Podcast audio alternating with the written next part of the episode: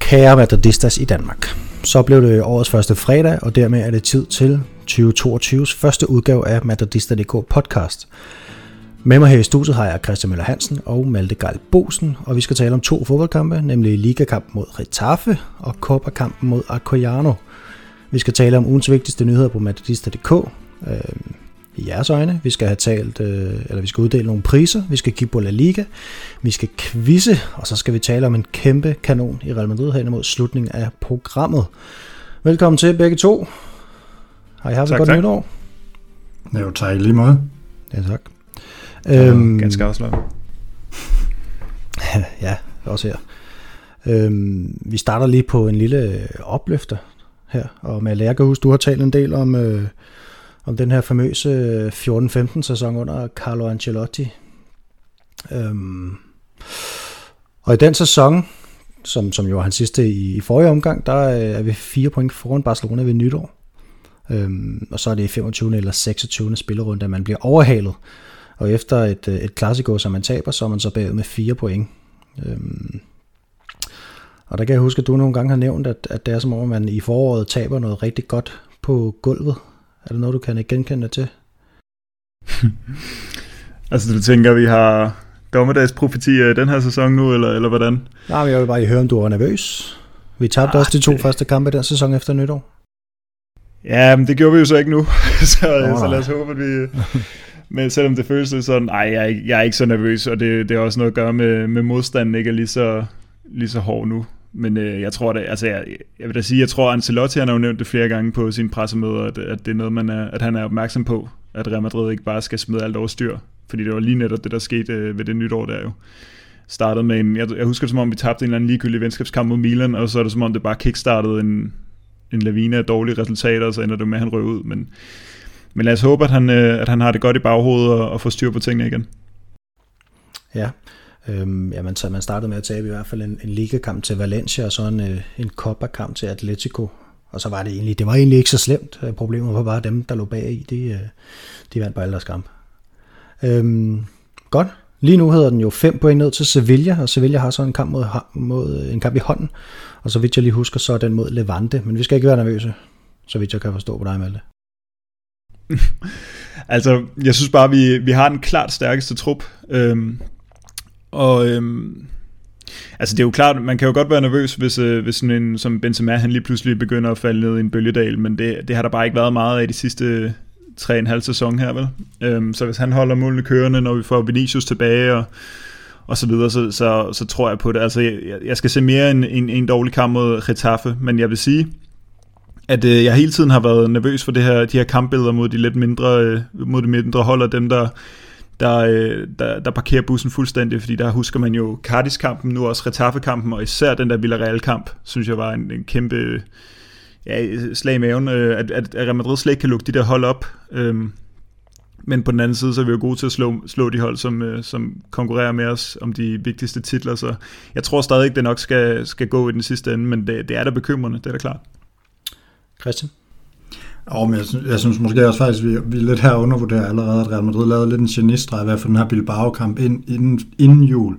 Hvilket jo gør, at, at når vi har haft det her Supercup, og det var jo der, det gik galt sidst med Ancelotti, det er også der, det går galt nogle gange under Zidane, det er, at kamppres, øh, eller kampprogrammet i foråret, det bliver simpelthen for sammenpresset. Men nu har man en lille pause efter Supercuppen, hvor der går en uge, inden man har en kamp, og det synes jeg faktisk er en, er en ret væsentlig genistreg. Hvis man skulle gå hen og tabe til, øh, til Barcelona i Supercoppen, så har man da 10 dages pause. Øhm, og det kan altså godt blive ret væsentligt, at man har noget tid i januar til at få, øh, få spillerne gjort klar igen. Så, så jeg synes egentlig, der er, der er nogle ting der, der også taler i vores favør. Øh, så det er jo klart, at de der bund, bundklubber, vi har svært ved at åbne, det, det er en udfordring. Men altså, vi har vel heller ikke haft svært ved at åbne det, men at, at kigger vi på expected goals og sådan noget her, så havde man sparket en eller to mere ind, så havde vi også fået nogle point. Øhm, det er jeg ikke så bekymret for, at det bliver ved med at være et problem. Jeg synes ikke, det er fordi, vi slet ikke har skabt noget imod dem. Nej, og det, øh, det skal vi tale om lige om lidt. Lidt mere om det her med hold øh, med, med lav blok. Øhm, vi går i gang med, med den første kamp, vi spillede i, i ugen her, og det var jo mod Retaffe.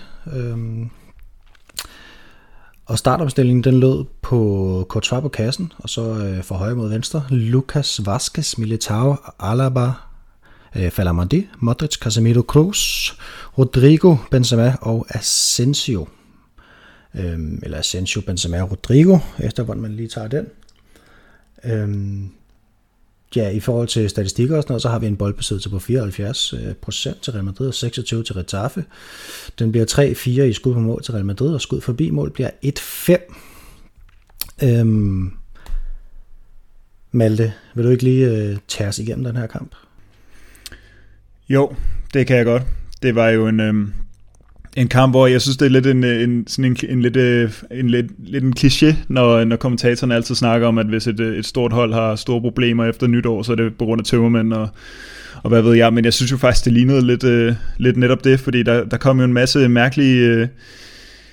Masse mærkelige aktioner for en masse bærende spillere. Altså bare den for Militao er jo, er jo helt vild, men vi, vi får også se øh, øh, Benzema sparke bolden ud over sidelinjen mange gange, og Rodrigo virker helt væk på venstrekanten, og Asensio er totalt blind passager, og, og Modric spillede godt i de første 30, men så synes jeg også, der begyndte at, at komme noget fra, nogle fejlafleveringer fra ham, og Casemiro ligger under 80% i, i afleveringspræcision, så, så det var en kamp, hvor, hvor Real Madrid fik en, lavet en hel masse fejl, og det, det blev heller ikke nemmere, at, at vi kom, kom bagud så tidligt på grund af den her kæmpe store øh, Militao-fejl. Og så ender det jo også med, at nu hvor Benzema han ikke øh, dukkede op på, på dagen, så kom vores største chancer jo til, til Luka Modric og Toni Kroos i første halvleg, hvor ja, Modric har jo det der helt sindssygt forsøg på overlæggeren, og Kroos er også øh, tæt på. Øhm, og så, øh, så i anden halvleg, så, så kommer der jo aldrig rigtig de store chancer. Jeg tror, øh, altså Casemiros der, hans øh, flugter og Benzema's på, på øh, ja, som bliver hættet væk af en Retaffe-forsvar, det er, vel, det er vel det tætteste, vi har. Og så synes jeg også, hvis jeg lige skal have en ting mere med, så synes jeg, det var sådan lidt en, en kamp, hvor Carlo Ancelotti for første gang, tror jeg, at jeg synes, det er en decideret fejl, at han ikke starter med Eden Hazard, fordi det kunne man godt forvente, øh, det her kampbillede mod et, øh, et Getafe-hold, som står så dybt. Øhm, altså det, det, er jo, det er jo lige præcis det kampbillede, vi forventer. Jeg tror, øh, Getafe havde de ikke, jeg tror, de har lukket et mål ind i forrige fem kampe, eller sådan noget. Altså det er jo ikke fordi, at, og Real Madrid har netop problemer med de her hold. Og så jeg tror, det, jeg tror, det handler om, at, at Carlo Ancelotti, han, han simpelthen bare øh, altså har Asensio og Rodrigo foran, fordi det er dem, han tror på, det er dem, han ser en, en fremtid i. Og så har Hazard lidt bagud i køen, men, men her kunne man godt have brugt ham. Ikke at han så kom med det helt store, da han kom ind, men, men jeg, altså i de her små rum, der er det som om, at, at Real Madrid halter, halter og det, det er bare den her kamp meget præg af. Christian? Ja, og så synes jeg egentlig også godt, hvis man skal fortsætte den der lidt, man kan godt stille spørgsmålstegn ved, om vi absolut altid skal spille 4-3-3. Altså jeg ved ikke, om vi, det er ligesom om, at, at vores midtbane der jo også er meget erfaren og sådan noget. Vi ved næsten, de skal nok være der i de store kampe, men, men hvis vi skal anfægte lidt på, ja min favorit er jo Kroos, og jeres det er jo klart Modric, men skal vi anfægte lidt på dem, så er det jo, at de nogle gange har lidt en tendens til ikke at være der imod de her hold. At den her midtbane, den har lidt udfordringer, når modstanderne står meget, meget dybt, fordi jamen der er ikke nok løb foran dem, der er ikke rigtig nok, øh, med den trup vi har, det bliver, det bliver ikke rigtig, øh, det bliver ikke rigtig så nemt at åbne op, så skulle man prøve noget 4-4-2, skulle man prøve, skulle man prøve at skubbe lidt rundt, man kunne også spille 3-5-2, eller man kunne prøve nogle andre løsninger, det kunne jo også være en mulighed, tænker jeg. Øh, jeg kunne, jeg kunne godt tænke mig at se Valverde lidt mere i nogle af de her kampe, måske i en, i en, i en lidt mere fremskudt rolle, end at han nødvendigvis skal tage, tage en af midtbanepladserne, men, men et eller andet, det kunne man prøve. Øh, Øhm, og så, så synes jeg måske også bare, hvad skal man sige, det er nemt for os som fans at sidde og snakke om tømmermænd og, og være frustreret over det. Jeg var da også frustreret, men et eller andet sted, så de her spillere, altså ligesom vi andre, vi har brug for ferie fra vores arbejde og studier, og hvad vi ellers render og laver, så, øh, så har de også brug for ferie, og det har det været det eneste tidspunkt, de får ferie fra, øh, fra den rammer september og indtil den rammer maj, juni, og så er der endda øh, nogle gange internationale kampe der. Så, så, så de havde fem dages ferie mellem jul og nytår. Øh, det var ret tydeligt på sociale medier, og jeg synes egentlig også, det var ret tydeligt, at dem, der havde holdt mest ferie, det var også dem, der var helt væk i den her kamp. Øh, det, det, det ved jeg ikke. Jeg synes ikke, det skal være en undskyldning. Det skal jo ikke være acceptabelt, at fordi du var ferie, så er du væk, men, men i, en, i en sportslig verden er det måske en lille smule en forklaring, og forhåbentlig så kommer de tilbage på træningsbanen nu, og så er der styr på det, når, øh, når vi rammer den næste kamp. Ellers så synes jeg, det begynder at blive lidt utilgiveligt. Men, øh, men, men lidt rust, som desværre kostede en sejr her. Øh, ja, og, og, og du nævner selv, øh, du nævner Fede Valverde her, og jeg... Øh, da, da jeg ligesom så den her kamp her, der sad jeg og tænkte, at Getafe de kører jo med den her meget lave blok, og det er jo ikke noget nyt. Øhm, det, det er en meget, meget simpel måde at få resultater på, øh, men, men Real Madrid har meget svært ved at åbne op for det. Og du nævner selv, at vi får statiske på midtbanen, men hvad med angrebet, og hvad med fra baks? Altså kommer der nok løb der? Jeg sad jo også og savnede Fede Valverde, jeg kan ikke forstå, hvorfor han ikke kommer ind. Nej, jeg tænker så, at han har, han har givetvis ikke været helt, helt klar efter, efter den, den her pause. Altså, der må have været noget fysisk. Jeg tænker, der har været et eller andet sygdom fysisk, et eller andet, vi ikke har fået at vide. Ellers så, så er jeg da helt enig med dig i det hjernedødt. Ja, men så ved jeg ikke, hvorfor han er i truppen, fordi at han, han kan jo umuligt have været klar til noget som helst, tænker jeg. Men øhm, ja, det, jeg synes, det er så tydeligt, at, at der mangler nogle banebrydere, altså nogen, der bryder linjerne på det her hold her. Altså, hvor skal det komme fra? Øhm, fra Bax, men de gør han nok for det? Eller kan det give mening at få Alaba ud i sådan nogle her kampe her? Malte? Jamen, jeg synes, det er sjovt, du nævner Mandi, fordi jeg synes jo, øh, Marcelo han kom jo ind, i, ind til anden halvleg sammen med Hazard, kunne det jo være sådan et bud på, at vi skulle være lidt bedre mellem linjerne, og selvom Marcelo ikke var specielt imponerende, dog bedre, end han var øh, i går aftes mod Alcoyano, så, så synes jeg, han, han gav nogle minder tilbage til lige præcis den venstreback, vi har haft i så mange år, øh, da han var i, i stor form. Altså en, en bak, der, der både er god i de, i de små rum, og kan komme både i, i, i overlap og i inderlap, hvor han kommer sådan ind centralt i feltet, og er umulig at komme i nærheden af, fordi han bare kan vende og dreje, og det, det er jo sådan noget, man jeg, jeg synes i hvert fald på en eller anden måde, at jeg lidt har glemt den del af vores spil, fordi det er som om, at fokus har været på, at Mandi, at det var vigtigt at få ham ind som, øh, som fast førsteholdsspiller, fordi han gjorde det så meget bedre end Marcelo, han var så meget stærkere og hurtigere. Men Marcelo havde lige et par situationer, hvor, han, hvor man blev mindet om, hvad det kan give os, at der kan komme øh, trusler fra andre steder, i stedet for bare nogle, nogle, nogle drilske kantspillere. Øh, og især når sådan en som Rodrigo, altså han, han havde øh, 0 af 3 driblinger, altså 0 lykkedes, øh, 0 succesfulde driblinger hedder det, i, i den her kamp, og han ligger over på venstre kanten, der kommer jo ikke noget som helst, altså så det, der er simpelthen brug for nogle flere spillere, der kan gøre det uventet. Altså, jeg synes også, det der med, med nogle, nogle dybdeløb øh, for sådan en som Fede Valverde kunne være, kunne være godt. Nogle gange, når jeg har siddet og set sådan noget, så altså øh, en Barcelona-kamp for nogle år siden, eller en Manchester City-kamp, så har jeg faktisk siddet og tænkt lidt over præcis, hvad det er, der sker. Altså, hvorfor, hvorfor kan de finde ud af at bryde de her kompakter op fuldstændig og så bare smadre dem? Altså, det, jeg tror ikke, jeg har måske ikke den sådan, taktiske kunde til lige at forstå præcis, hvad der er, der sker, men, men det må, altså det må være nogen med, med nogle små lopbolde ind over forsvaret, og nogle, nogle dybdeløb fra sådan en som Valverde, der kan, ligge den, der kan ligge den ind i feltet, men det sker jo ikke rigtigt. I stedet for, så er der utrolig mange, meget, meget langsomme afleveringer tilbage til Kroos, der spiller den lidt under midten, og så lige en gang imellem, så springer man en enkelt spilstation over, og så får Basketsen, og så bliver det et indlæg til sidst.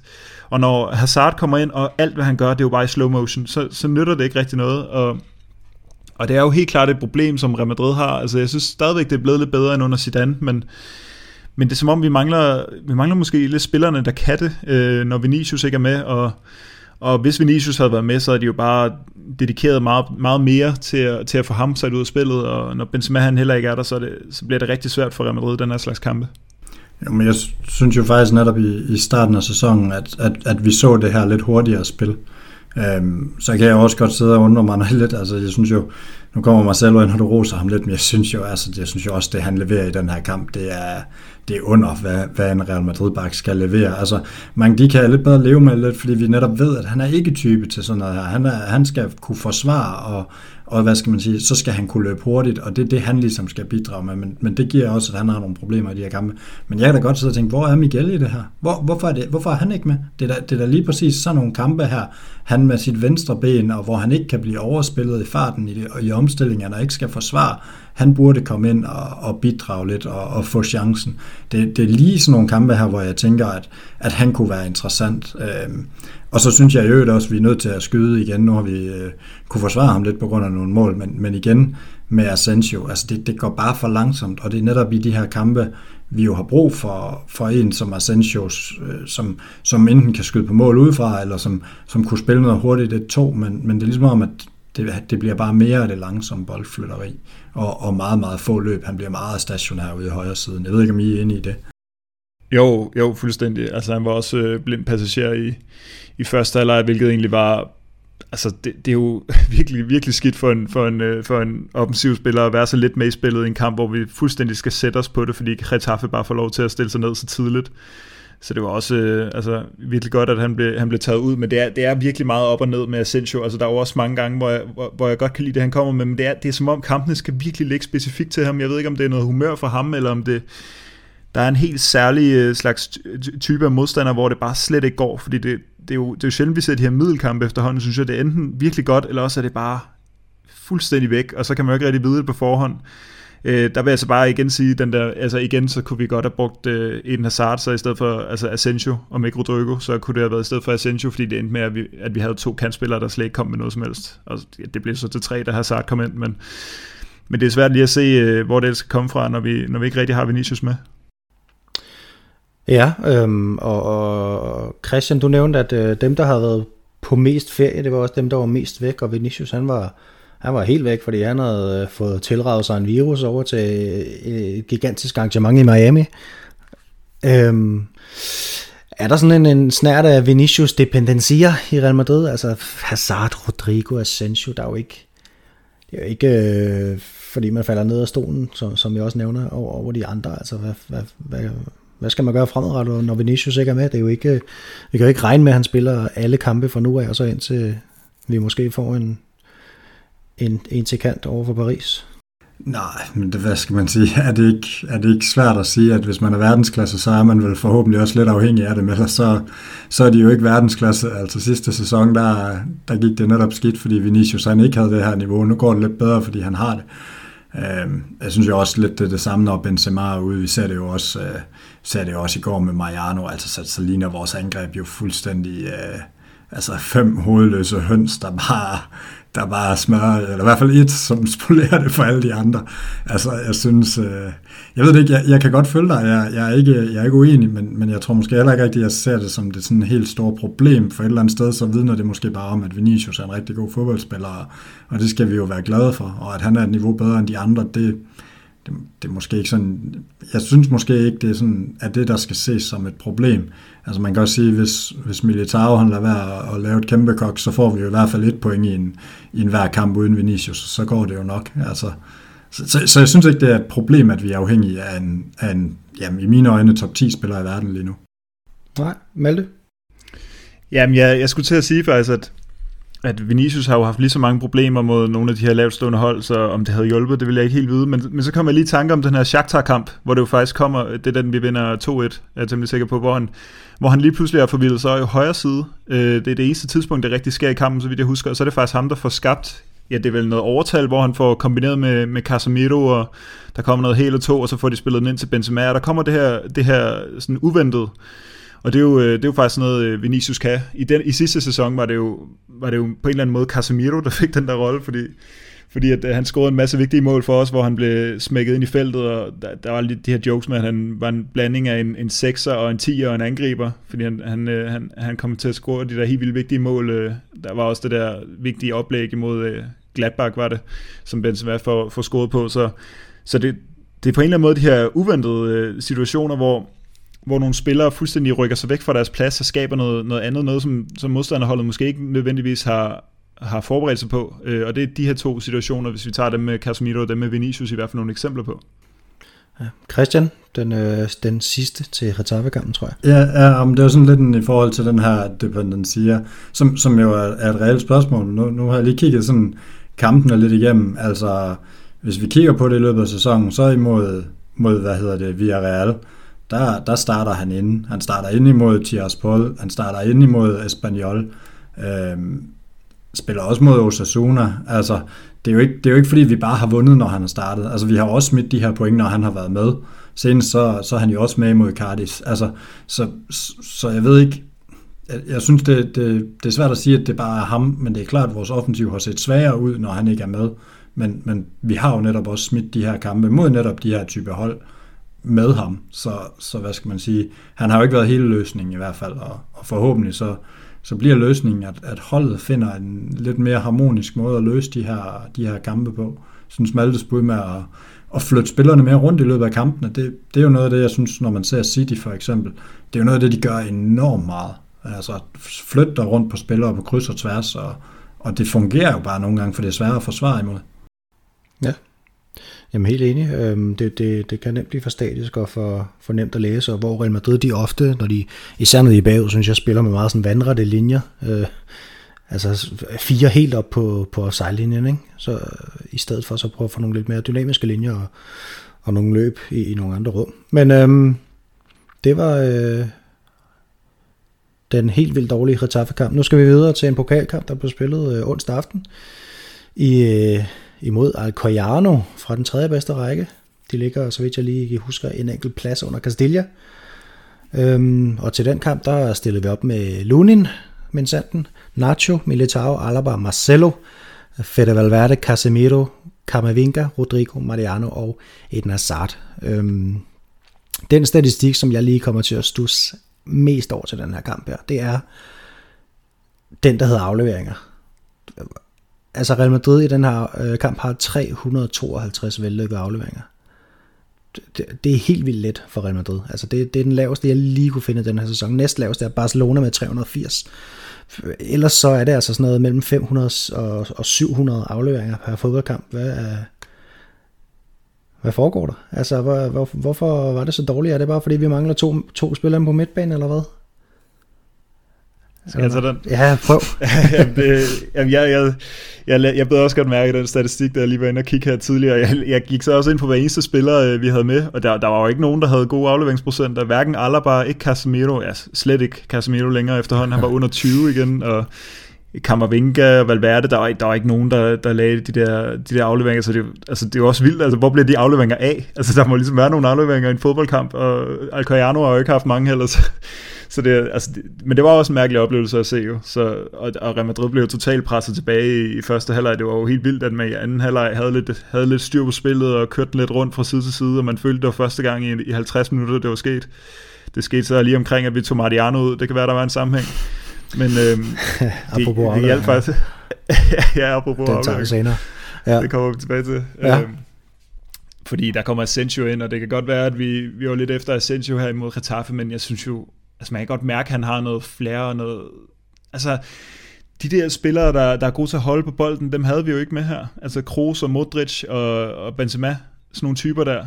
Altså, Alaba kan jo ikke klare det hele dernede fra, øh, og altså, det er jo ikke fordi Nacho er en, en kæmpe boldspiller, det er jo ikke fordi Marcelo rigtig er noget værd længere. Øh, så hvem er det ligesom, der skal, der skal holde på det der? Nu havde øh, Valverde jo også en, altså en dårlig kamp. Jeg kårede Jesper om ikke også til øh, kampens badebold. Det tror jeg faktisk, han gjorde, og det, han var jo også øh, skuffende, altså hans afleveringer, nu hvor vi snakker afleveringer, det var jo sådan nogle knaldhårde bræspark nærmest ind i midten af feltet, som Kammervinga nogle gange skulle tage til sig på den ene eller den anden fantastiske måde.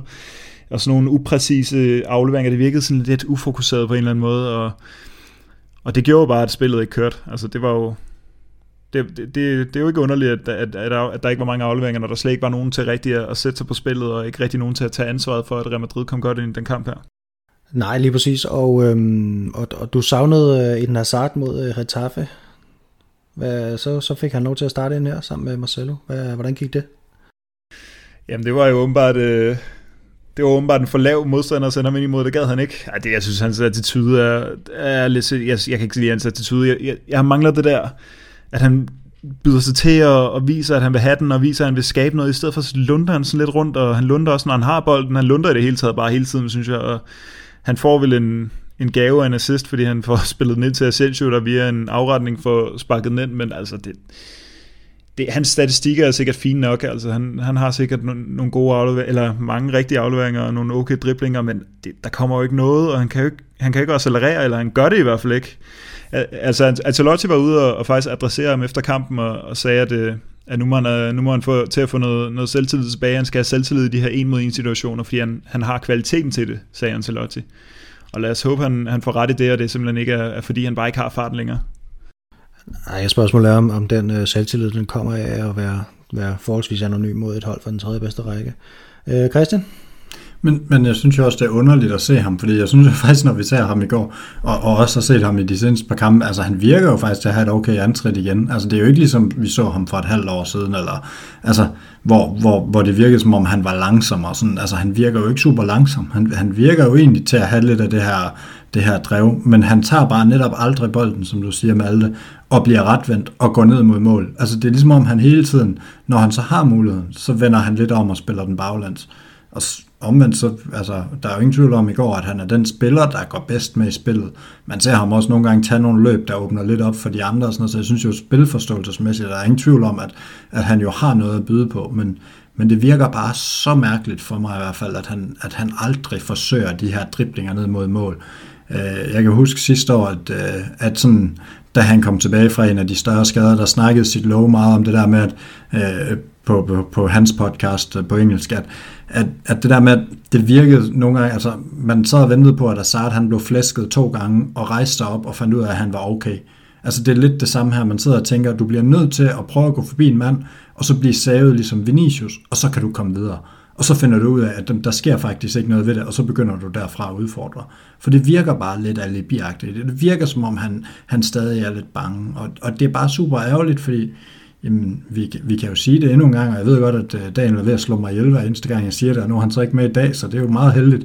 Men, men jeg vil jo stadig holde på, at hvis Hazard kan bare finde 95% af sit niveau, så er han, nu er han ikke længere vores bedste wing, fordi Vinicius har brugt igennem, men så er han vores næstbedste kantspiller, og særligt imod de her dybe hold, der har han nogle af nøglerne. Jeg synes også, vi så det. Jeg kan ikke huske, det var ikke imod Getafe, men det var kampen inden og mod Cardis.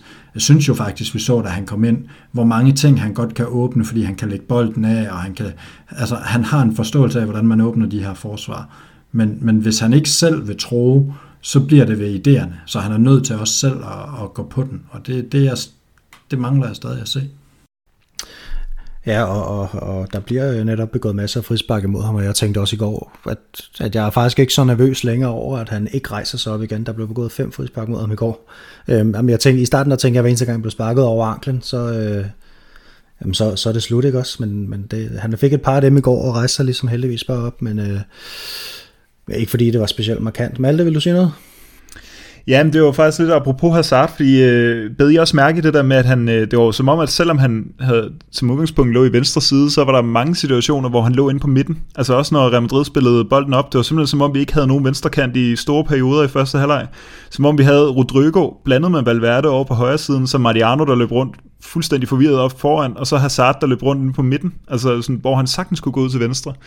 Og det var, det, det var det, eller det bliver lige mindet om her, hvor øh, Christian snakker om som, som potentielt den, den næstbedste wing, fordi er vi i virkeligheden der, hvor han efterhånden skal til at, altså selv når Vinicius ikke er med, så, så giver det bare bedst mening for ham, hvis han, hvis han prøver at finde nogle andre rum end ude på venstre kanten, fordi der kommer han alligevel ikke til at spille. Altså i en kamp mod Alcoyano, der er fri plads på venstre, det er ikke Marcelo, der er den kant der længere, så der burde være, være masser at komme efter, men alligevel, alligevel trækker han ind centralt, og det lignede jo en, en taktisk øh, disposition fra, fra Ancelotti, men ja, det, det, det beder jeg i hvert fald mærke i, at, han, at det var som om, han, han havde sådan en, en offensiv midtagtig øh, rolle, som han også har haft tidligere, øh, når Benzema har været med.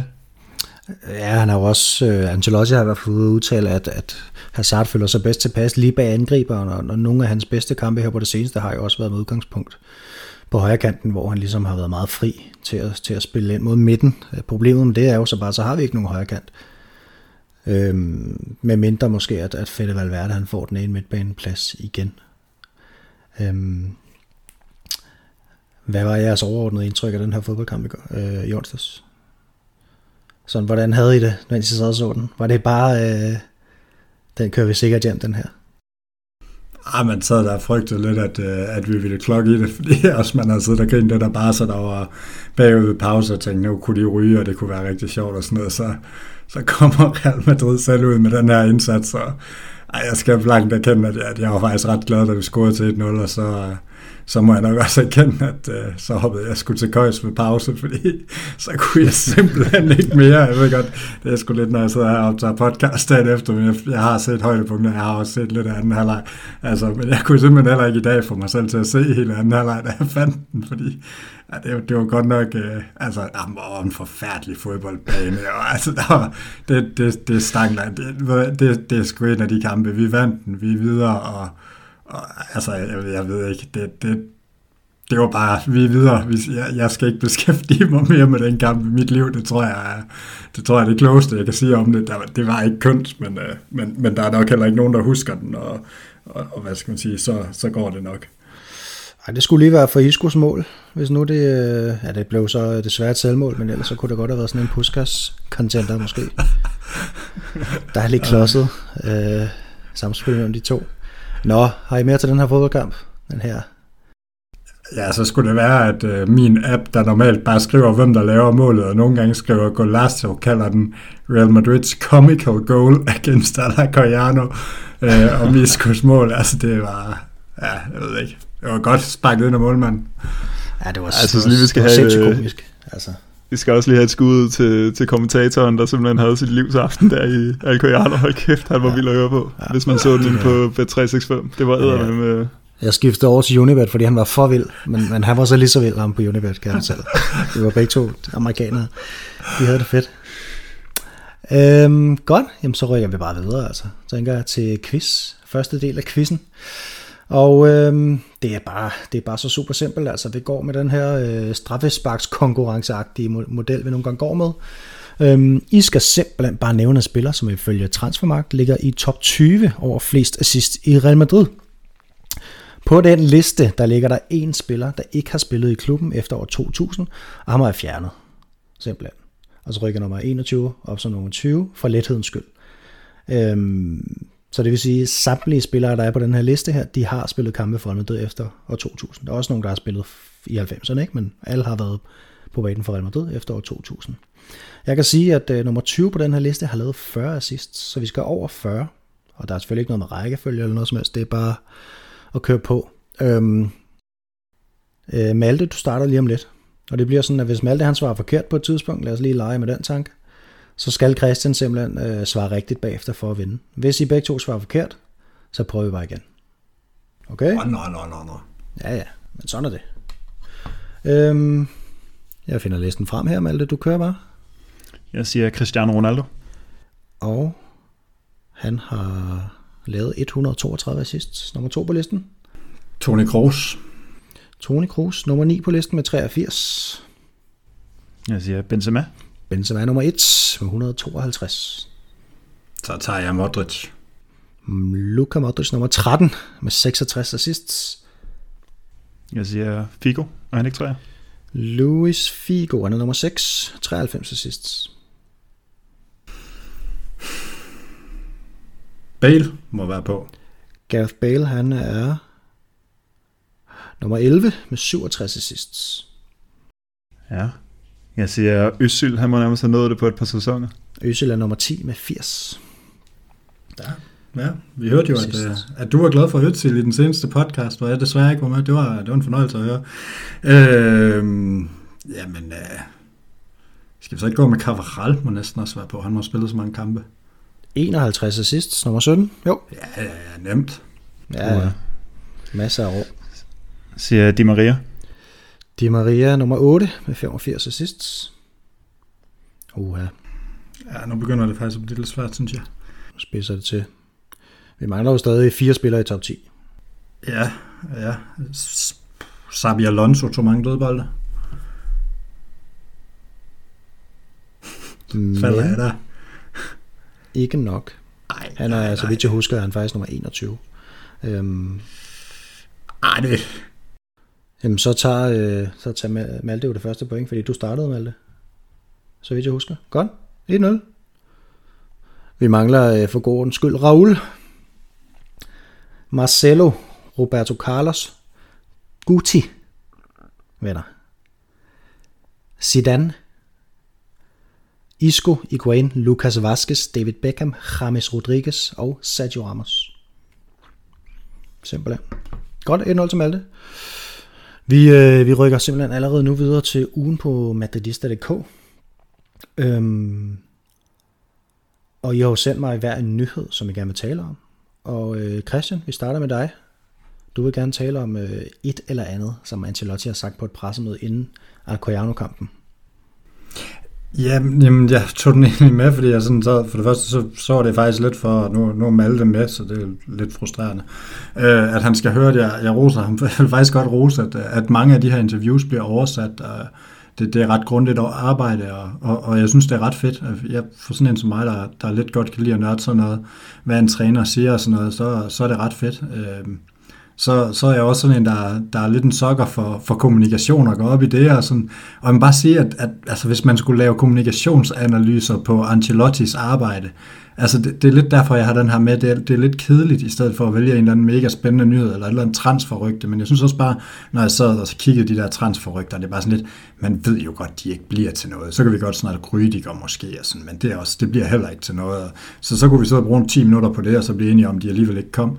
Men så kiggede jeg sådan lidt på Ancelottis citat om, at vi vil vinde Copa del Rey. Jamen det er jo det helt rigtige at sige. Selvfølgelig vil vi vinde den turnering. Og i virkeligheden, så tror jeg, at han er ligeglad. Han vil da bare vinde Champions League eller Liga, og, og det der, det er, bare en, det er bare sådan en trøstepræmie, han kan bruge. Og hvis man ryger ud af Champions League i semifinal, så er det lidt ekstra lækkert, hvis man så også vinder Copa del Rey og, og laver det dobbelt derhjemme. Men, men altså sådan, han siger bare det rigtige, og han siger også bare det rigtige i forhold til Assad, som, som alle siger. Og det er jo virkelig at gå på sådan en meget lille line i forhold til for eksempel Assad, og, og generelt, hvordan han håndterer de spanske medier. Og jeg, jeg synes faktisk også, jeg fornemmer lidt fra, at han var der i sin første periode, og så til den her anden periode, at han alligevel er blevet en lille smule bedre til det. Det er som om, han har lidt set, hvad Zidane gjorde, og så taget sin egen gamle italienske øh, overgang med, og så fungerer det bare enormt godt. Hvorimod, hvis man så nogle af hans interviews fra han var i Everton, der virkede han sådan lidt som en gammel mand, der var lidt malplaceret og ikke rigtig vidste, hvordan man egentlig skulle håndtere det hele. Så det, det er egentlig bare for at rose Ancelotti enormt meget for hans måde at håndtere det her på,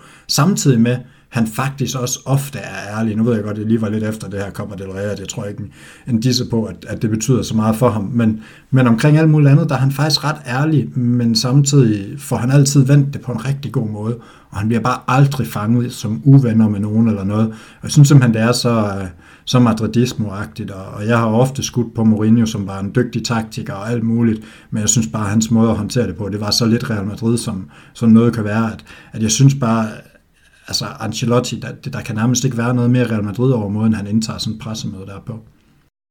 Det er jeg egentlig enig i. Jeg troede ikke helt, at det var den vinkel, du ville køre på den, øh, Christian. Jeg, øh, jeg havde lidt i tanke et citat enten om Ceballos eller, eller Gareth Bale og Saudi-Arabien. Men øh, i for, jo, jo. så vil jeg lige sige, i forhold til ærlighed kontra øh, den her med relationer, ikke er uvenner med nogen og sådan noget. Hvor ligger den på Ceballos, så, hvor han udtaler, at Ceballos han bliver meget vigtig for Real Madrid i anden halvdel af sæsonen? Ligger den mest over på ærlighed, eller ligger den mest over på at være gode venner? Ah, ja, den ligger, den ligger nok lidt over på, på gode venner, men altså, jeg, jeg læste egentlig heller ikke sådan som om, også hvis man tog helt originalt citatet, så, så læste jeg det måske heller ikke helt som om, at, at det var Ceballos blev super vigtig, men jeg læste det mere som om, at han kunne blive vigtig, hvis han genfandt sig selv. Og det er jo egentlig lidt det samme, som vi snakker om med Hazard, og, og også snakker om med Bale i starten af sæsonen, snakker vi jo om, det har vi jo glemt nu, fordi der er andre, der har budt ind, men, men at Bale kunne blive super vigtig for den her sæson, fordi han faktisk kom tilbage i topform og sådan. Og, og det er lidt sådan, jeg også ser det med Ceballos, at han siger, at Ceballos har kvaliteterne, og han yder godt på træningsbanen, og, og, og, og vi har jo også før set Ceballos, der godt kunne ændre kampe for Real Madrid, så, så jeg vil da ikke afvise, at han kunne blive en super sub. Og han kan jo komme ind med noget af det her, vi ellers savner. Altså, han kan i hvert fald bidrage med noget, Isco ikke bidrager med. Så, så på den måde er det jo rigtigt nok. Men, men hvis det decideret er, at han er en vigtig spiller, så er det jo helt uærligt. Og så er der den med Bale og Saudi-Arabien. Han, øh, han siger jo, at Bale han, øh, skal med til Saudi-Arabien. Er det et løfte, eller er det en trussel til Bale? Fordi jeg tænker, en valiser og det klima der, det, det er jo to uger med, med, med solstikke bagefter. Altså, så er han jo ikke klar resten af sæsonen. Nå, Nej, Malte. Det var, det var det, han håbede. Ja, det kan selvfølgelig godt være. Malte, du vil øh, nok gerne have afbrudt øh, Christian på et tidspunkt, da han talte om, om nogle transferrygter. Fordi han nævnte en spiller, som du taler om. Ja, Christian gad ikke snakke, om, øh, snakke 10 minutter om spillerrygter og om spillere, der alligevel ikke kommer, men det kan du så blive nødt til nu, Christian, eller i hvert fald lidt til det. Ej, det er, det er det her rygte med, med Rydiger, at, øh, at Rydiger øh, forhandlingerne er brudt sammen, og det, det, det er igen sådan lidt en, øh, en ro, synes jeg egentlig, til den måde, øh, Real Madrid tager sig af de her ting, fordi altså ja, Rüdiger har et godt navn, øhm, han, han har spillet nogle år i Premier League, han, han vil være en, en, en god nok spiller at hente ind til en plads, hvor vi alligevel bare har et fuldstændig, altså hvad hedder sådan noget, en total, øh, ja han er, altså Vallejo har jo ikke nogen fremtid, virker det som om overhovedet, altså der kan, der, der kan hvem som helst gå ind og tage den rolle der, så, og, og Nacho også ved at være oppe i årene, så, så det vil jo være som udgangspunkt være fint nok at få Rydiger ind, hvis han alligevel er gratis og er til at betale, men, men der går man altså alligevel ikke øh, med den høje løn til ham, selvom han, øh, han vil komme gratis, og det synes jeg bare er et, et godt tegn for Real Madrid. Altså det, hvis, hvis Barcelona okay, det er ikke for at skyde for meget for Barcelona, men altså der, der har man jo ligesom brug for de der navnetransfer, så hive nogle store navne ind, som får alle til at tænke, wow, nu er Barcelona tilbage, eller hvad det er.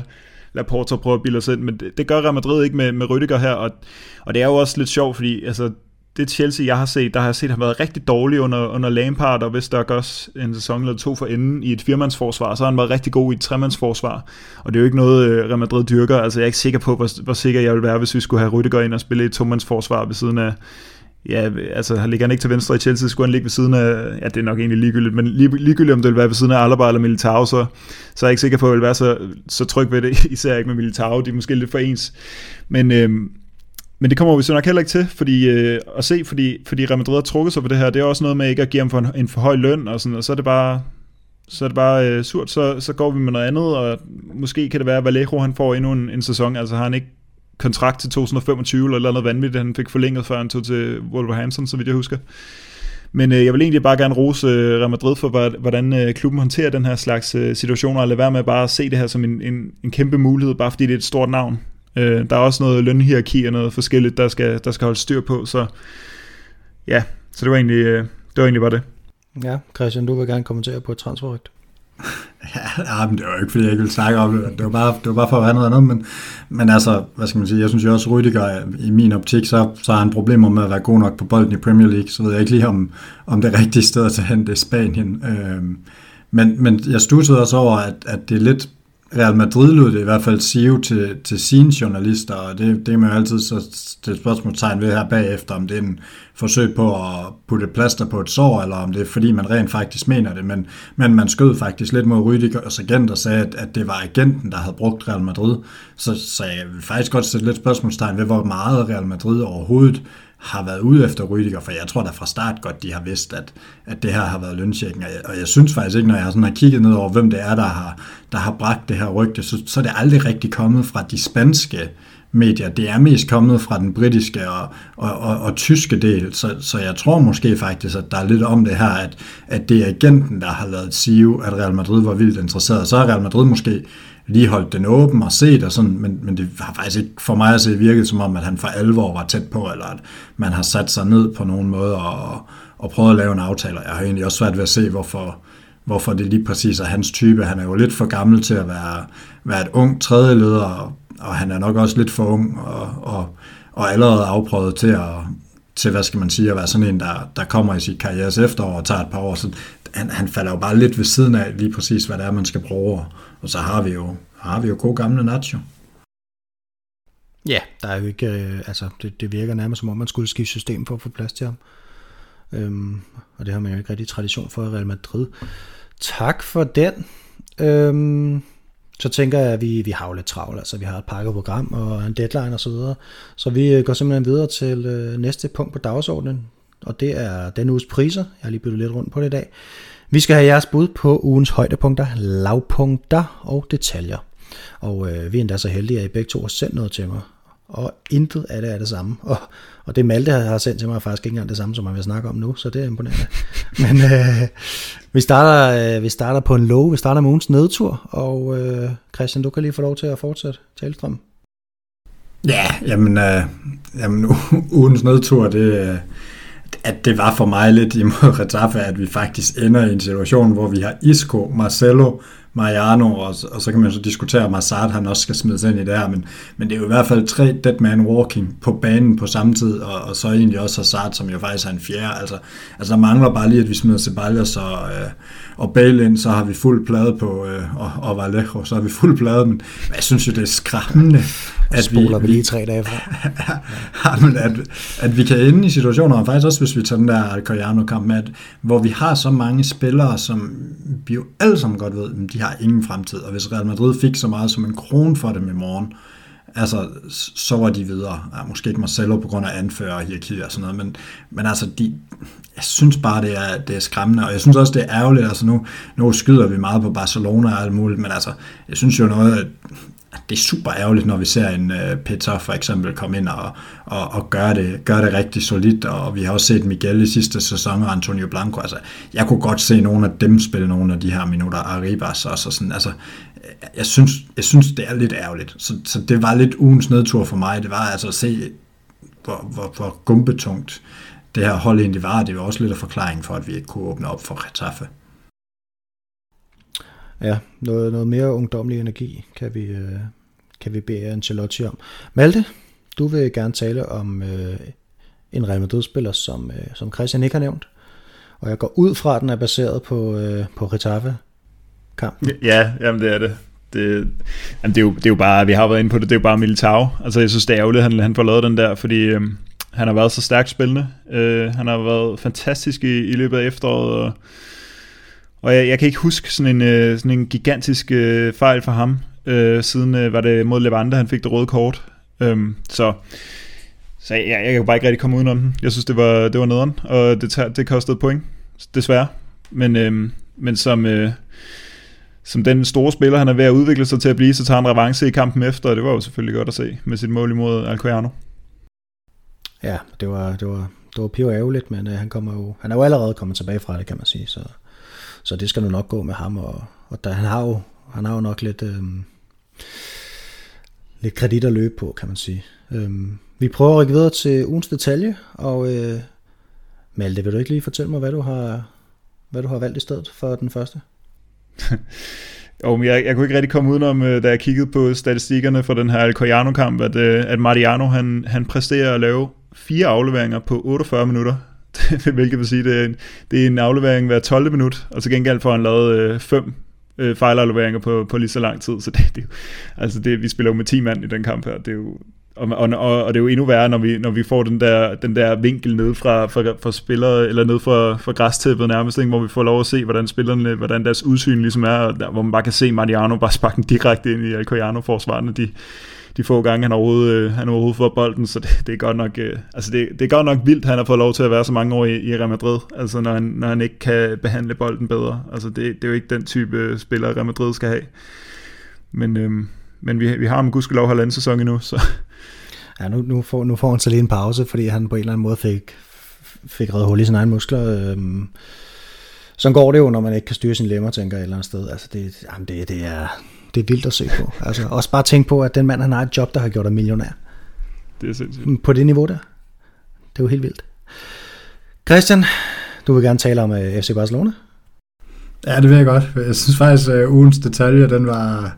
Den, den kom på udebane mod Mallorca. For det første så... Uh, så er det et, øh, et meget, meget Barca DNA-præget hold, som, øh, som vi har hørt meget om, komme ind med den her Barca DNA nu, hvor øh, de ansatte Xavi og, og, og det hele det skulle blive anderledes, og det skulle blive bedre, og det skulle blive en speciel form for bold, og de skulle ikke gå på kompromis med noget som helst. Og, og først og fremmest så formår de at begå 24 frispark i den her kamp. Altså det er, det er altså, det er altså, flere, det er altså 20 frispark mere end Mariano han havde afleveringer i, øh, i, i sin kamp. Det, øh, det, det, det, synes jeg i sig selv, det var sådan en stat, jeg faldt lidt over, det var virkelig en urytmisk kamp. Altså det, det var ikke kønt, og, og, og det der næsten øh, var allermest komisk, det var, at, øh, at, at det Barcelona vinder på, det er et øh, indlæg fra højre side til bagerste stolpe, hvor tårnhøje Luke de Jong, han hætter den ind forbi en målmand, der falder.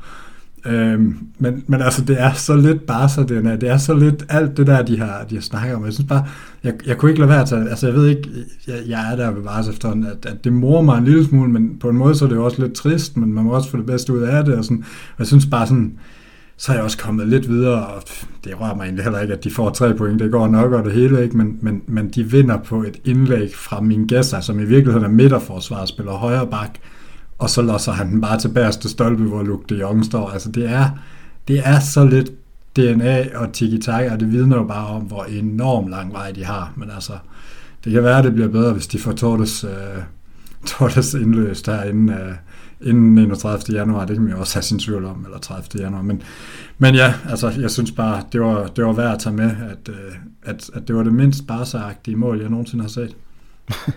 I hele dit liv. Fantastisk. Øhm, godt, så rykker vi bare videre til ugens højdepunkt, og øh, Christian, du fortsætter. Du vil gerne tale om, om Celta Vigo, i hvert fald. En spiller derfra.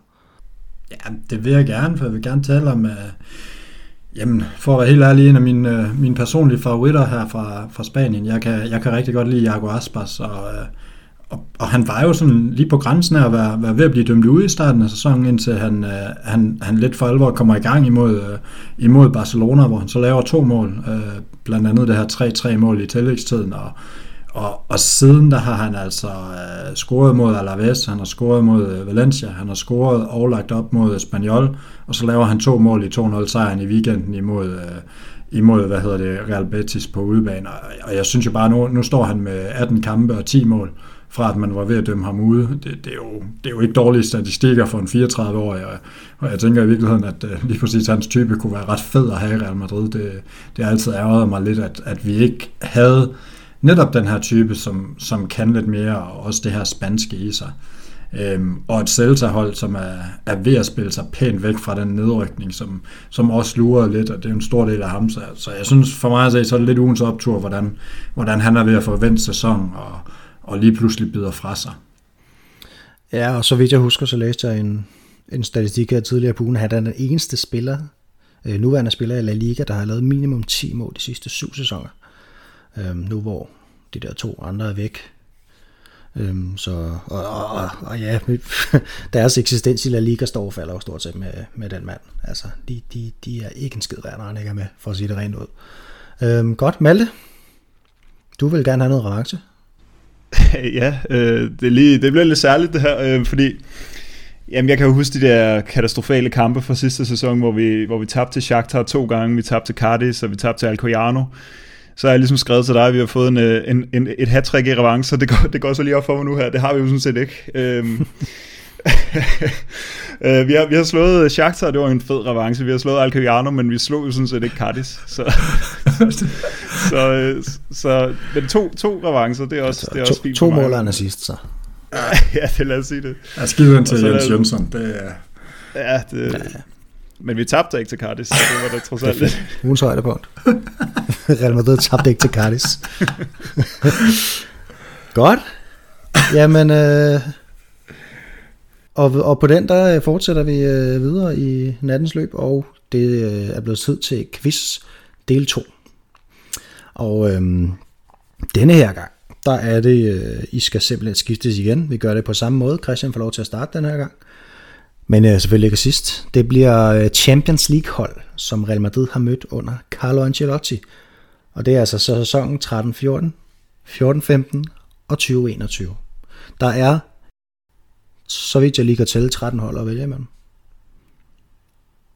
Øh, Christian, værsgo. Så du tog den her sæson med? Ja. Ja, okay. Jeg tager Shakhtar, det gælder jo i begge sæsoner, kan man sige. Jeg tager Inter. Så tager jeg Tiraspol, så har vi vel klaret den. Sådan. Så er der øh, bingo på en række. Så tager ja. jeg FCK. FC København, yes. Jamen, så tager jeg... Vi skal vel have fjernet Juventus på et tidspunkt. Det skal vi. De er blevet mødt to forskellige sæsoner. Jeg siger Atletico Madrid. De er også blevet mødt to forskellige sæsoner.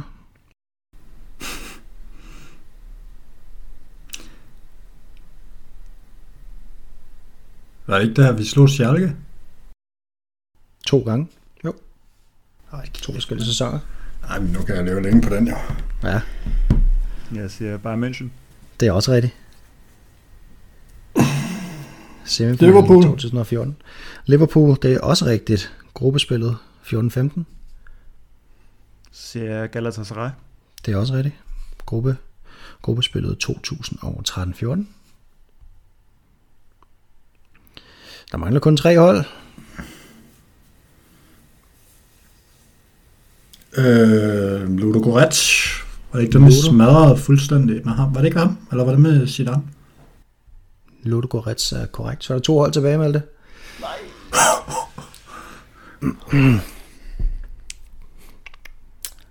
Jeg, øh, hvis du svarer rigtigt her, så kalder jeg nu godt. Fordi så er der kun et hold tilbage. Det er god podcast, det her. Jeg siger Dortmund. Dortmund, det er rigtigt. Nej, Så bliver det et kryds. Nej, Malte. Hvor Øh, fin hiver du den her hjem? Kan I det 3-0 sidste hold? 2-0, var det ikke dem? Jo, jo, det var ved at gå galt igen. Øhm, har I det sidste hold også, for sjov skyld? Det er fra gruppespillet 14-15. det var et eller andet, øh, et eller andet mellem-europæisk hold, men jeg, kan, jeg, kan ikke, jeg har det ikke. Ja, det var et eller andet. Apoel måske? Ja, det, det kunne godt være. Det var sådan et eller andet i den dur. Vi skal en tur til Basel. Godt. Øhm, så står den 2-1 til Malte, og der er jo øh, en til runde i quizzen, og så er der øh, en, en tiebreaker, hvis Christian han formår at hive et, et point næste gang. Nu skal vi til lige at tale om runde nummer 19 i, øh, i La Liga. Og øh, den startede allerede sidste år, da Valencia tabte til Espanyol med 2-1 i Valencia. Så øh, slog Getafe Real Madrid med 1-0. Så spillede Elche og Granada 0-0. Atletico Madrid vandt 2-0 over Rayo Vallecano. Betis tabte øh, 2-0 til Celta Vigo. Alaves og Real Sociedad spillede 1-1. Mallorca tabte 1-0 til Barcelona. Villarreal smadrede Levante med 5-0. Osasuna tabte til Atletic Club øh, de Bilbao, som de jo hedder, så vidt jeg husker. 1-3. Og så øh, slog Sevilla Cardis med 1-0. Er der noget, der er værd at bede mærke i fra den her spillerunde? Udover at det ikke var, det var ikke mega godt for Real Madrid. Nej, det vil være blevet mærke i, at øh, Atletico Madrid de, de kommer lidt tilbage på sporet med den gode gamle øh, hold 0 og se om vi kan, vi kan få en eller to ind. Øh, det, synes, det synes jeg, der var bemærkelsesværdigt, men, men ellers må man bare sige, at det var, det var en skidt runde for Real Madrid. Uh, det, det, det er vel egentlig det mest væsentlige. Jeg synes faktisk heller ikke, nu så jeg en lille smule af, af Sevillas kamp ud mod Cardiff, så de havde jo også deres problemer. Uh, men man må bare, man må bare give dem den kado, og, og vi kan jo også afsløre, at i vores interne tråd har vi lidt diskuteret det her, om Sevilla kan holde fast, men altså et eller andet sted, så længe de er der, vi har jo set de der sæsoner før, hvor hold overrasker, og vi kæmper med dem til, til sidste blodstruppe, blandt andet en sæson med Sevilla, hvor, hvor vi tre hold der ender af, af point, så vidt jeg husker, øh, og, og det bliver indbyrdes opgør, der afgør det, og, og vi har set øh, Real Sociedad for en 15 år siden hænge på, og så videre, ikke? Altså, jeg kunne godt se Sevilla have sådan en sæson, hvor de bare hænger på. Jeg synes, de har en bred, bred trup, og, og de, har en, de har en DNA, øh, eller et DNA, som gør det farligt. Så jeg ved ikke, hvad I tænker. Er, er, er, skal vi frygte dem? Altså, jeg kan, godt, jeg kan godt være bange for, at de holder fast. Ja, altså, jeg tror sagtens, det kan holde. Jeg, der, jeg synes jo ikke, der er noget i deres spillestil, som indikerer, at, at altså, det, er jo, det er jo ikke sådan en type fodbold, hvor det bare falder sammen lige pludselig. Det er jo bundsolidt. Øhm, så det, og de holder sindssygt mange rene buer, og ja, altså de, de er jo svære at spille mod, og jeg vil sige, hvis de, hvis de får scoret, så er, der, så er der jo rigtig stor chance for, at de vinder, for de, de lukker ikke nogen mål ind, og det, det er jo en, øh, en, en nærmest idiotisk måde at spille fodbold på, så jeg kan, ikke, jeg kan ikke se dem falde fuldstændig sammen i hvert fald. Jeg tror ikke, det bliver under nummer to. Nej, så har de vel også lidt det her, hvad skal man sige, jeg synes også, hvis man kigger ned over deres trup, så har de bare sådan nogle spillere, som, altså, de, de slår mig bare som nogle spillere, hvis de kommer hen til runde 30 og inden for tre point af det mesterskab, så kommer de til at slå ihjel hver eneste kamp for at vinde.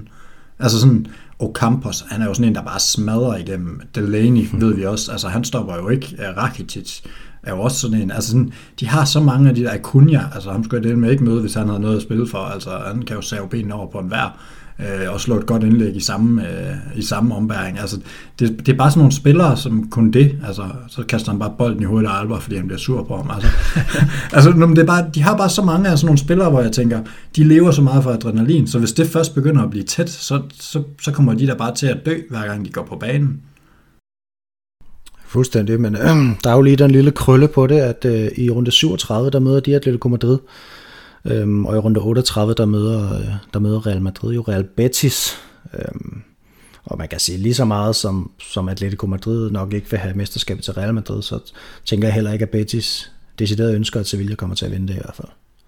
Hvis det skal komme dertil. Altså, det er jo selvfølgelig det er jo spekulationer, ikke også? Øhm, godt. Er der andet at bide mærke i, eller skal vi rykke videre? Malte, han er ved at forberede quizfinalen, kan vi godt høre. Ved hvad, så, så tager vi videre. Jeg har, øh, jeg har drejet på, øh, på legendehjulet i forvejen, og den her gang, der skal vi, øh, vi skal godt tilbage i tiden, men vi skal også have fat i en stor kanon. Det er, det er Miguel Munoz, og, øh, og jeg vil egentlig ikke sige så meget om ham, fordi jeg ved jo sådan set ikke, hvad jeg tænker at sige om ham, så det kunne jeg godt tænke mig at høre først. Er der nogen, der vil lægge ud omkring ham her? Jeg kan godt lægge en lille smule ud, altså det, det er jo nok sådan en type, vi jo, vi jo normalt gerne vil have Jesper med til, fordi han, han har enormt meget bidrag med omkring de her legender, men altså, det er, jo, det er jo en af de helt store, store legender, som både spiller og træner. Vi, vi har også vedrørt ham i, uh, i en tidligere podcast, da vi, uh, da vi snakkede midtbanespillere. Den kan man gå tilbage, hvis man vil have sådan nærmere portræt af ham. Men, men altså, det er jo en spiller, som hver Real Madrid-fan skal kende, synes jeg. Så, så på den måde hører han jo til, og det er jo fint, vi, vi får ham rundet. Ikke? Altså, det, det er værd at bemærke, at han, han er altså den første anfører, der vinder Champions League for Real Madrid, eller Europa øh, komme for, for, for mesterhold. Det, det synes jeg bare sådan i sig selv, det er sådan, sådan en faktor, der egentlig er meget god, og som, som siger lidt om, hvem, hvem den her mand er, at han så bagefter går hen og bliver trænerlegende og sådan noget til, til med. Det er, jo, det er jo en mand, der, altså, han er jo ikke der, hvor øh, Don Estadio Santiago Bernabeu er, han er jo heller, eller ikke Estadio, øh, Don øh, Santiago Bernabeu er, han er jo heller ikke der, hvor, hvor, hvor de andre helt store er, men, men altså, han er jo virkelig måske første mand på den næste hylde. Ja, øh, Malte, har du noget til, til ham her? Ja, men jeg, altså, jeg, lige, da vi, lige da vi fik det navn her ved, så var jeg blev faktisk lidt overrasket over, hvor mange kampe han har spillet for, for Real Madrid, fordi på en eller anden måde for mig, så øh, i min ligesom, ja, tid, hvor jeg er blevet Real Madrid-fan, der har jeg haft ham øh, mest som, som den her store træner. Øh, øh, legendarisk navn, der vandt de her mange, mange øh, ligatitler for Real Madrid. Han var jo træner for Real Madrid fra 1966, nej, 1960 til 1974, hvor han vandt, øh, ja, var, var det ni, ja, ni La Liga. Øh, men han har jo faktisk også været spiller i Real Madrid, og det, der fik han en del flere kampe, end jeg lige, lige troede. Jeg tror, at Real Madrids hjemmeside har, stå, har det stående til 278 kampe, hvilket altså er flere end, end spillere som Higuain, Lucas Vazquez, Bale, Nacho, Morientes. Øh, der havde jeg på meget færre, bare sådan i min, i min, i min rendring, hvad jeg ligesom synes, jeg har læst om ham. Jamen, og så kommer han jo til Real Madrid. Det, det, det bare lige sige her, det er altså på et tidspunkt, hvor man ikke spiller helt så mange kampe heller, så det er jo også værd lige at have med. Ja, og han er jo i, han er jo i klubben som spiller i, i 10 år. Han kommer jo som øh, 26 år i 1948. Og altså, jeg, ved, jeg har meget lidt viden om, øh, om Real Madrid, sådan individuelle spillere fra før, øh, før, før 50'erne der. Og, og man kan også sige, at han, hans øh, vinder, øh, nu har vi jo fået lov at google, google ham lidt på forhånd, så det er derfor, jeg har researchet mig lidt frem til de her ting, og han begynder jo at vinde de her de her øh, titler, som alle de andre spillere på den her tid, lige så snart Di Stefano kommer der i, i 53, fordi han, han er der jo fra 48 til 58, og så begynder de jo at vinde de her Champions League titler i, i midt øh, 50'erne, og de begynder at vinde La Liga for det øjeblik, at Di Stefano kommer. Øhm, så han ender, og som, som Christian siger, så, så kommer han jo faktisk til at være med i, i to af de her Champions League øh, titler som, som spiller, øh, som anfører, Øh, og, så, og så får han jo så lov at vinde, øh, det må så være den femte, i 1960 som træner, og så igen i, i 1966. Så der er jo også nogle, øh, nogle hvad hedder sådan noget, nogle, altså han har opnået nogle ting, som er historiske. Han er den første, eller han er den største træner i historien, der vinder Champions League som både spiller og træner. Øh, som Christian siger, var den første anfører, der vandt øh, Champions League, og så tror jeg faktisk også, han scorede Real Madrids øh, første øh, Champions League mål, eller European Cup, eller hvad det hed dengang. Så, øh, så mange store, øh, store bedrifter øh, knyttet til hans navn, og så, altså nu kommer vi måske på et tidspunkt til at lave sådan en, en bedste træner i Real Madrids historie, der, der tror jeg, der, der skal virkelig hives nogle, jeg ved, jeg ved ikke, hvordan han skal slå sig af pind som den største Real Madrid-træner med, med så lang en periode, så mange kampe. Han er jo den med flest, øh, klart flest kampe. Jeg tror, Zidane er nummer to på den liste.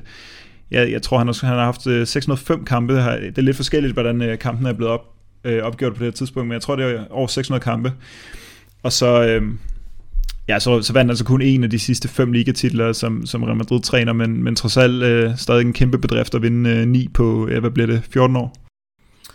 Ja, hvis vi lige skal lige sådan sætte i perspektiv, hvor stor en kanon det her, det, her det var, så, så har vi jo nævnt, øh, vi har nævnt øh, Bernabeu allerede, og vi har nævnt øh, Di Stefano allerede, og som I siger, så, øh, ja, så i 1900 og det er så 55, ikke også? Der bliver, nej, 56, der løfter han trofæet som den første Real Madrid-anfører. Det gør han igen i 57.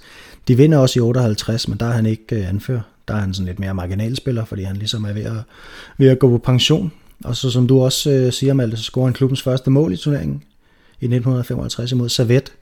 Øhm, og i 58, der stopper han simpelthen karrieren, fordi han, han, han godt selv vidste, at han var faldet i niveau, og han ville gerne have æren i behold. I, I 59, der bliver han så træner for Real Madrid øhm, i en kort periode, da, da klubbens træner øh, Luis Carniglia, en, en argentiner, han bliver syg, der, der står han i, i spidsen for klubben i, i ni kampe, øhm, hvor han vist, jeg tror de vinder fem, og to udgjorde der to nederlag. Øhm, Så i 1960 bliver han så ansat som den her lidt mere permanente løsning, øhm, og, og, og det starter jo bare med, at man vinder Europacupen. Øh, det, det er den her kamp ud Frankfurt, der ender 7-3 på, på Hampton Park, og, og på det her tidspunkt, der, øh, der forlyder det, at holdet ikke var nær så dominerende, som de havde været tidligere, i hvert fald ikke i europæisk regi. Øhm, og Barcelona var nationale mestre, og man regnede ligesom også med, at Barcelona de skulle faktisk ind og overtage den her europæiske dominans lidt, som Real Madrid de havde vist. Men, men de mødte hinanden i semifinalen, og, og her vandt Real Madrid samlet med 6-2, og så var den ligesom lukket der. Øhm, og Barcelona vandt så ligaen det år, men efterfølgende så vandt Real Madrid med, med Munoz som træner. De vandt det ni gange fra 61 til 72, som du også nævnte, Malte. Og det, og det er altså bare 61, 62, 63, 64, 65, 67, 68, 69 og 72. Så der, der er rimeligt med, med dominans på.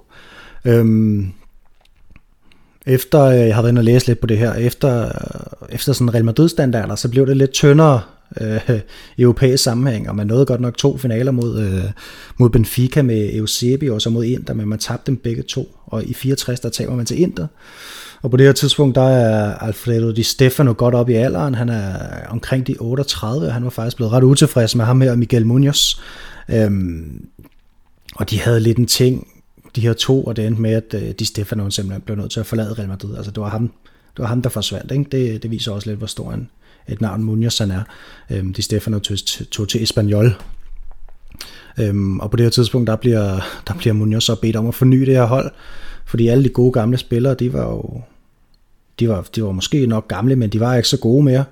Øhm, og, og blandt andet så har jeg læst en citere, at, øh, at den blonde pil, som de Stefano blev kendt, han var, han var sådan set hverken blond eller nogen pil længere. Øhm, så de, de her spillere her, de skulle jo ud, og det galt jo også nogen som Puskas og Santa Maria.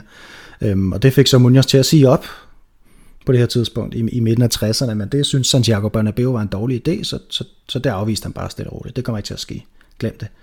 Så, øhm, og til gengæld så, så spillede de Stefano så ikke, ikke de næste kampe ind med at skifte væk til sommer. Øhm, og så i 66, der vandt man så den her Europa Cup igen, og der var man sådan set lidt mere underdog.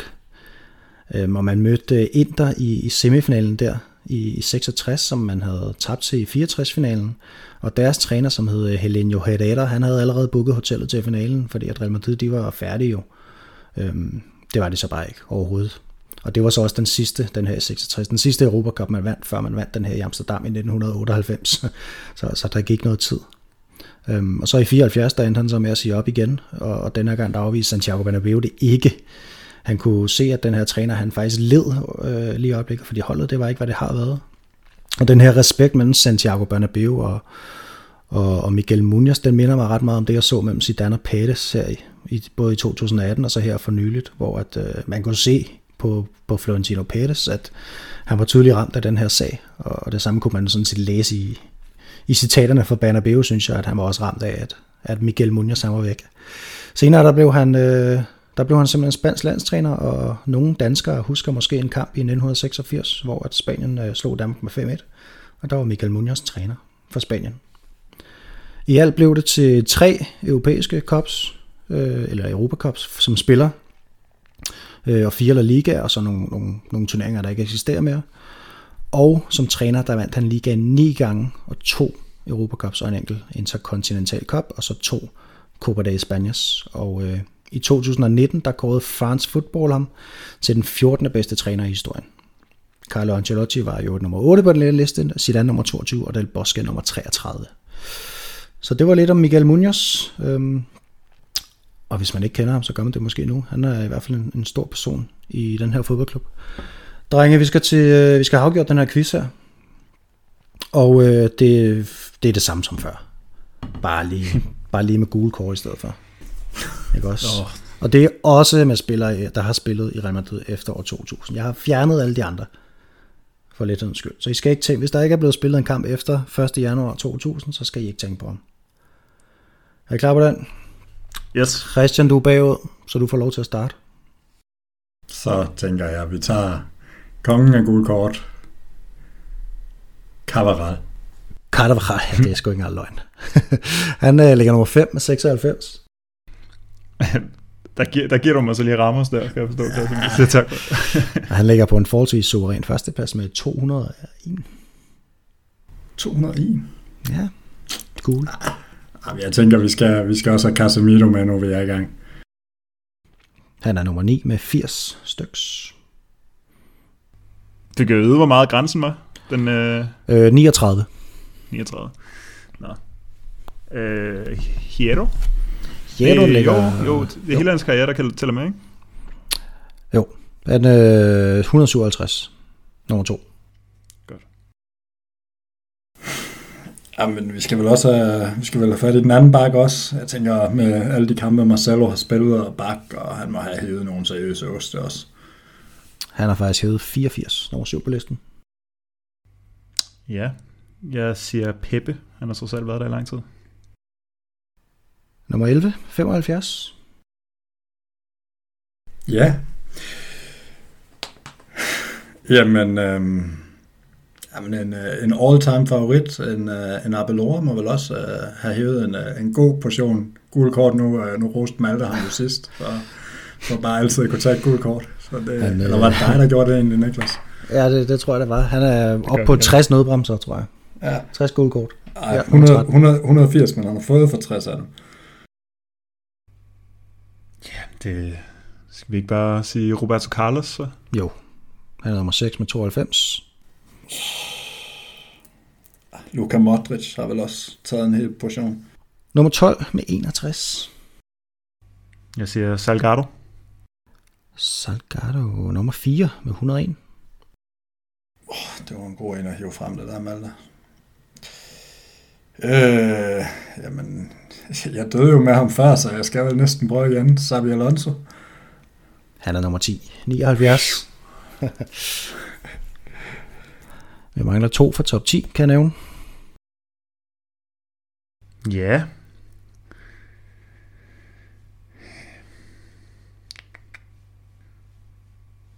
Jamen, altså... Jeg synes ikke, han lavede så mange... Øh, han fik så mange barande, men jeg går med ham alligevel, fordi han var der i så lang tid. Han er ikke på min liste.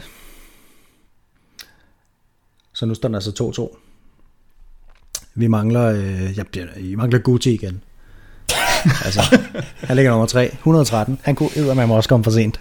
Ja, det er øh, Ivan Helguera, Ronaldo, Nacho, Figo, Kroos, Redondo, Beckham og Lassana Diarra. Er dem, der mangler. vildt, 2-2. at Dondo på forholdsvis få kampe har fået så mange. Ja. Imponerende. På sin vis. Øhm, nå, men så er det jo tid til en tiebreaker. Og øhm, der skal I give et bud hver. Det er, det er, jo, det er jo en gætteleg, kan man sige. Men øhm, på øh, den næste kamp her, der møder Real Madrid jo Valencia. De har mødt hinanden 192 gange. Hvor mange gange har Real Madrid vundet over Valencia? Øhm, er der en af jer, der melder jer frivilligt til at starte? Det kan jeg godt. Ja, Vi kan også bare sige det i kor. det kan jeg også. Det kan vi også. Sig til, når jeg har et bud, så tæller jeg ned. Det bliver... Jeg er klar. Ja, godt. okay. Øh, hvad sagde du? 192? Ja. Så har jeg også et bud. Godt. Er I klar? Jeg tager ned for 3, og så på nu, der kommer den. 3, 2, 1, nu. 125. Det er 102, så det er, det er Christian, der tager den. Så vi kan Yes. lige ved der. 3-2 til Christian. Kæmpe. Godt klaret, tillykke med det. Jo, tak. Ja, tillykke. Ja, Jeg tror, det var to gange over dig, Malte. Det, Det er det er et kompleks jo. Faktisk ja. i virkeligheden. Det er bare fordi, jeg har spillet for mange gange mod Jesper, tror jeg. Det, Det er godt være. Øhm, godt, vi skal simpelthen bare til at runde af nu. Øhm, men inden vi siger helt farvel, så vil vi gerne lige sende et par skud ud til nogle personer, der har doneret til podcasten siden sidste gang. Og øhm, det drejer sig om, øh, om Patrick og Jesper og Mads, som hver, især, hver især skal have en kæmpe stor tak for støtten. Det er, det er super lækkert. Øhm, og hvis du derude ønsker at gøre ligesom Patrick, Jesper og Mads, og lige smide lidt, øh, lidt mønt vores vej, så foregår det altså på MobilePay Box 1630 WV. Og andet er der egentlig ikke at sige end øh, a Madrid. I nada mas.